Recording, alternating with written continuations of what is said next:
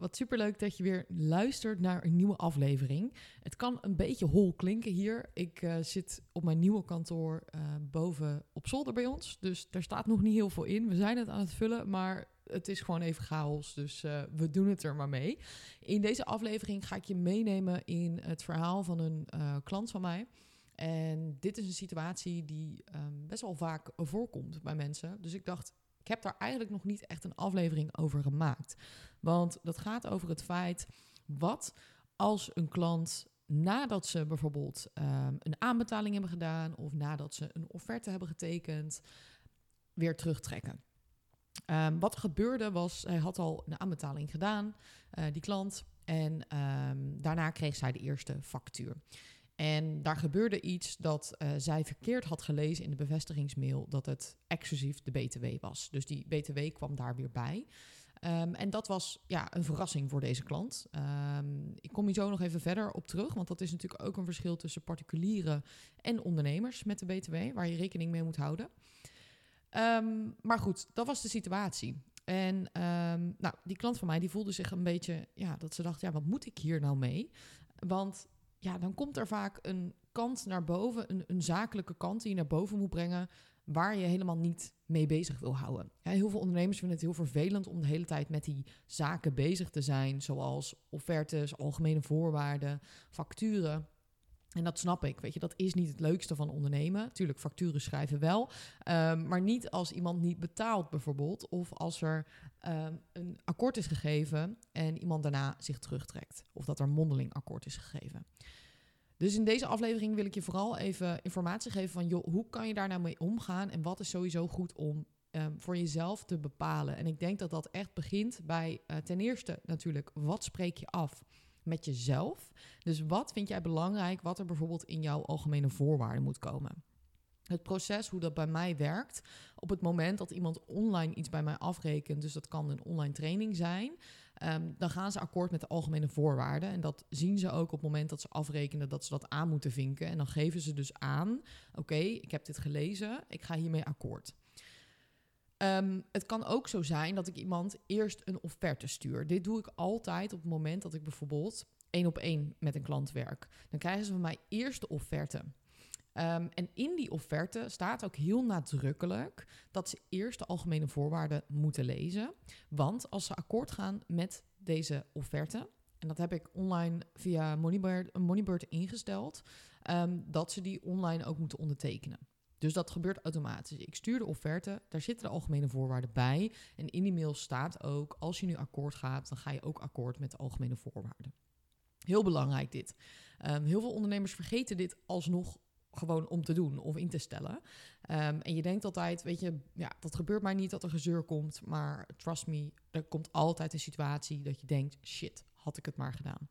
Uh, dus wees gewoon zeker van je zaak. Liever um, één keer te vaak weet je, op en neer mailen. Uh, van, joh, is dit akkoord? Kom ik zo ook nog even op terug. Uh, want bij deze klant was dat ook het uh, dingetje.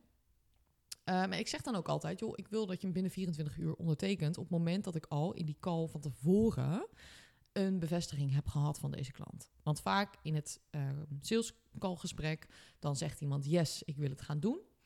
En dan stuur ik ook meteen direct daarna, dus niet een dag daarna, maar vijf minuten na ons gesprek, stuur ik meteen de offerte en zeg ik, joh, onderteken hem binnen 24 uur. Waarom doe ik dit? Um, omdat het echt wel eens voorkomt dat als er bijvoorbeeld een paar dagen tussen zit, dat iemand ja, urgentie niet meer voelt. Uh, dat ze denken van ja, nou ik voel het eigenlijk niet echt meer. Ik heb iemand anders nog gesproken. Um, en dat gebeurt niet vaak. Hè? Ik bedoel, dit zijn echt uitzonderingen, maar je wilt het voorkomen. Wat ik ook merk als klanten akkoord geven, is dat er, uh, zei ik ook al in de vorige aflevering, dat er iets gebeurt. Dan, dan komt er een soort shift dat iemand zegt: Oké, nu ga ik ervoor. Ik heb het nu ondertekend. Deze afspraak heb ik gemaakt met mezelf en met Deborah. Dus nu ga ik ervoor. Dus dat is niet alleen voor mij een zekerheid, maar ook voor de klant dat ze echt een commitment met zichzelf aangaan. Um, dus dat doe ik altijd. Hè. Dus eerst door mondelinge bevestiging uh, en daarna altijd schriftelijke bevestiging vragen. Want wat er gebeurde, ook um, bij klanten vaak, is dat er bijvoorbeeld tijdens het gesprek dat er een foutje wordt gemaakt in bijvoorbeeld het bedrag. Of dat je ineens wat anders hebt gezegd. En die klant die hield zich daar misschien aan vast. En die denkt ineens als ze dan een factuur krijgen van... hey, hallo, dit hadden we niet afgesproken. Dus je wilt altijd heel duidelijk zwart-wit hebben wat de afspraak is. Ehm, dus stel dat jij zegt, joh, ik werk niet officieel met offertes. Wat je dan ook kan doen, is dat je via de mail het voorstel, een voorstel stuurt. En dat je dan ook, en dit is heel belangrijk, hè, dus stel je zegt, nou, we gaan voor drie maanden samenwerken voor dit bedrag. Dit is inclusief of exclusief de BTW. Uh, dit zijn alle voorwaarden. Uh, en ook de algemene voorwaarden zitten erbij. Dat je onderaan die mail dan ook zegt, voor akkoord wil ik graag een mail terug waarin je uh, het woord akkoord zet of dat je akkoord gaat. Dus je wilt iets van een schriftelijke bevestiging hebben dat ze en de mail hebben gelezen, maar ook dat ze akkoord gaan. Want alleen gelezen is niet genoeg. Um, wat er dus nu gebeurde was, um, zij had gewoon teruggestuurd, joh, dit zijn mijn gegevens. Maar ze had nergens gezegd, hey, dit is akkoord. Dus ja, dan kan iemand wel zeggen, ja, ik heb het wel gelezen, maar ik heb het verkeerd gelezen. Of iemand zegt, ik heb het helemaal niet gelezen. Of uh, ik ben niet akkoord gegaan. Nou, en dat soort shit wil je echt voorkomen. Um, omdat dat ja, gewoon niet lekker is voor je klantrelatie. Want het kan ook gewoon zo zijn dat het een miscommunicatie is. En dat is eigenlijk 9 van de 10 keer wat er aan de hand is ook. Uh, want ik ga even niet dieper op situaties in van hè, stel dat iemand ontevreden is of zo. Want ik vind dat altijd wel weer een ander verhaal. Um, het gaat even een beetje om de communicatie en hoe stel je voor jezelf die regels op, um, zodat het voor je klant heel duidelijk is wat ze kunnen verwachten. Want wat er gebeurt als je niet die duidelijke afspraken maakt, is dat sowieso klanten al sneller over je grenzen heen gaan. Um, omdat er geen duidelijke afspraken zijn. En dat is niet um, dat je dan ineens een bitch bent of dat je uh, niet aardig bent. Want je gaat een samenwerking aan en alles is super leuk. En yes, we gaan samenwerken. Ja, en dan komt eigenlijk het gedeelte wat zakelijk is. En dat vinden we vaak niet zo heel erg fijn om te doen. Dus wat daarbij helpt, en dat zeg ik ook vaak tegen mijn coaches, van oké, um, pak even het stukje van jezelf, het wat meer zakelijke gedeelte haal dat eventjes naar boven. Iedereen heeft andere versies van zichzelf in zich zitten. Pak even die zakelijke Debra, die komt dan even naar boven. En die gaat dit afhandelen. Niet de gezellige, leuke Debra, die gaat dit even niet doen. Um, want die is er voor de andere momenten. Maar ik heb nu heel even die zakelijke Debra nodig. Um, ik heb nou ook een voorbeeld. Ik heb wel eens klanten die in termijnen betalen, uh, maar dan betalen ze niet meer. Terwijl, ja, ze hebben wel gewoon de training gevolgd. Of nou ja, ze laten niks meer horen. Ik heb altijd ook binnen een paar weken kan je gewoon je geld terugvragen. Maar als er maanden overheen gaat. Um, ik ben daar bijvoorbeeld nu nog mee bezig. Ik zit met een klant die gewoon al vijf facturen niet heeft betaald. Um, ja, en dan doe ik het vier keer vriendelijk. Uh, eigenlijk is dat al heel coulant natuurlijk.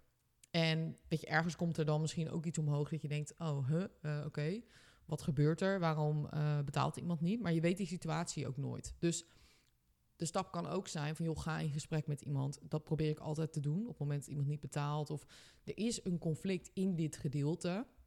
Bel iemand altijd even.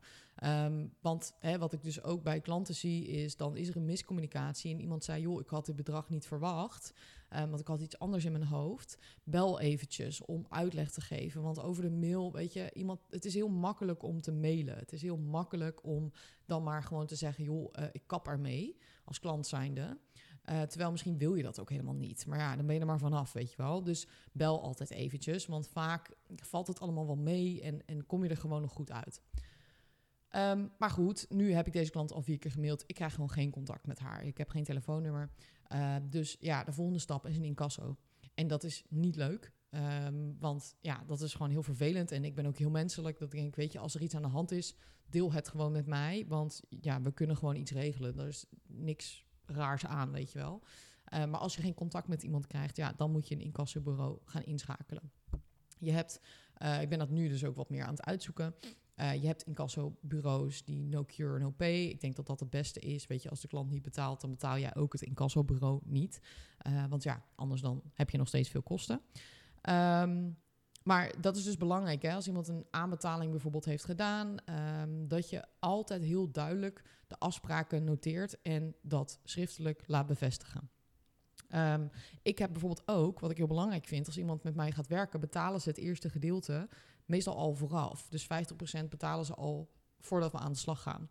Want ja, het zou heel erg leuk zijn dat als wij een uh, één op één dag hebben gehad en achteraf uh, zou je moeten betalen en jij denkt, nou hey, bedankt voor de informatie, maar uh, ik ga lekker niet betalen. Ja, dan zit je. En dit zijn uitzonderingen, want ik heb dit gelukkig nog nooit meegemaakt, maar je weet het niet. Hè? Ik bedoel, zeker als je meer klanten krijgt op een gegeven moment, gaan er af en toe gewoon mensen tussen zitten die dit gaan doen. Uh, wat ik zei, ik had ook nooit verwacht dat mensen niet zouden betalen. Nou, dat gebeurt dus nu al bij drie mensen en daar moet ik achteraan en daar heb ik geen zin in, want het kost energie. Dus weet je, het liefst wil je dat ook gewoon lekker door iemand anders laten doen. Uh, want dan kan jij er ook afstand van nemen en dan kan je er ook gewoon anders naar kijken. Um, dus wat je ook kan doen hierin, is stel dat jij een groot traject hebt en jij weet dat in dat traject dat er momenten gaan komen dat er bijvoorbeeld heel veel gaat gebeuren bij jouw klant. Ik zie dit zelf ook. Um, ze starten vol enthousiasme. Na een paar maanden wordt het moeilijk of komt er een dipje. Dit geef ik van tevoren ook aan. Ik zeg ook van, hey, het kan zo zijn dat je op een gegeven moment het gevoel hebt van, joh, ik haal er niet alles uit. Of ik heb het gevoel dat er niet zoveel meer gebeurt. En dat kunnen momenten zijn uh, dat mensen dan uit willen stappen. Alleen ze zijn een commitment met zichzelf aangegaan. Dus het is niet alleen voor jezelf slecht als zij uitstappen, maar vooral ook voor de klant zelf. Hè, want um, ik heb het ook wel eens in een traject gehad dat ik op een gegeven moment dacht: ja, kan ik niet even beter nu stoppen? Want ja, ik haal er niet zoveel meer uit. Maar als ik dat dus had gedaan, had ik zelf ook nooit die doelen daarna nog behaald. Omdat ja, als het dan moeilijk wordt, stap je maar uit. Ja, zo werkt het natuurlijk ook niet als je um, ergens een traject uh, start of je gaat iets doen. En het rare is, dat vind ik dus altijd het vreemde bij ondernemers, dat we dit laten gebeuren. Terwijl als jij een abonnement afsluit bij de Basic Fit voor een jaar, joh, no way dat jij kan opzeggen. Je betaalt gewoon hoor. Uh, en de incasso komt gewoon achter je reet aan als jij niet betaalt. Dus bij andere soort bedrijven is dit allemaal heel erg normaal. Maar als we diensten leveren, uh, dan vinden we het maar, normaal dat we dus zeg maar niet betalen voor die diensten. Ja, ik kan er daar met mijn hoofd niet bij. Uh, je hebt gewoon een betalingsplicht, klaar. Dus ik vind ook dat je daar als ondernemer iets uh, strenger in mag zijn. Dat je daar weer grenzen in mag stellen. Als je niet tevreden bent met de dienst, prima, dan kom je naar me toe. Maar je gaat niet, niet betalen en dan niks laten horen. Want ja, we zijn gewoon volwassenen en we kunnen met elkaar communiceren. Ik weet dat er ondernemers zijn die ook gewoon zeggen: joh, als je een jaartraject bij me afneemt, je betaalt gewoon. Je mag wel stoppen, maar je betaalt gewoon door dat is ook aan jou, hè, welke regels jij daar opstelt. Maar wees wel duidelijk daarin en ook één, dat je één lijn hebt voor al je klanten en dat het niet elke keer uh, heen en weer gaat, want dat is ook niet fijn. Um, maar kijk ook, hè, als je in termijnen laat betalen, het is een risico. Hè, dat merk ik nu bij mezelf. Het is een risico. Um, want er zijn mensen die daar misbruik van maken. En ik moet zeggen, dat is echt 0,1% die dat doet. En dat is gewoon vervelend natuurlijk. Um, en ik kom heel even nog bij het laatste puntje. We gaan er lekker rap doorheen, zoals je van me gewend bent. Uh, de BTW. Uh, want als je met particulieren werkt of met ondernemers, zit daar gewoon een verschil in hoe mensen naar BTW kijken. Uh, als particulier zijnde heb je nooit met BTW eigenlijk te maken. Dus als wij zien ex-BTW als particulier zijnde, dat, dat is gewoon voor een particulier extra kosten. Die 100 euro die BTW moeten zij gewoon betalen en zij krijgen dat niet terug. Um, dus altijd bij consumenten, uh, particulieren, bepaal je prijs, inclusief de BTW, en vermeld dat naar je klant toe. Want het enige waar zij op focussen is: oké, wat moet ik betalen? En of dat nou inclusief of exclusief is, ja, dat boeit hun geen reet, want ze hebben daar niks mee te maken. Als ondernemer, die BTW krijg je terug. Weet je, ik betaal BTW, ik vraag BTW, dus tuurlijk, logisch. Maar dat is niet wat ik betaal extra uit mijn eigen zak. En voor particulier is dat wel. Um, dus om misverstanden te voorkomen en dus te voorkomen dat klanten uiteindelijk afhaken op de BTW, vermeld dan de prijs inclusief de BTW aan een particulier. Um, dat is even belangrijk om, uh, om te doen. Um, Oké, we zijn er echt in een rap tempo doorheen gegaan. maar dit zijn gewoon praktische zaken die je moet regelen. Um, dus als je dit niet hebt gedaan, ga dit doen. Als je hier vragen over hebt, let me know. dan kan ik even met je meedenken. Maar het is gewoon heel belangrijk om af en toe ook dit soort dingen te doen, die misschien wat minder leuk zijn, maar wel horen bij het ondernemerschap. En uh, ja, ik ben benieuwd of jij dat zo geregeld hebt, uh, hoe je dat hebt geregeld. En uh, laat even weten via Instagram DM uh, als je erover wilt uh, praten, want ik ben heel benieuwd hoe andere mensen dit doen. En ik hoop dat je er iets aan hebt gehad natuurlijk. Dus ik wens je een hele fijne dag vandaag en ik ben zo hallo, ik spreek je snel weer.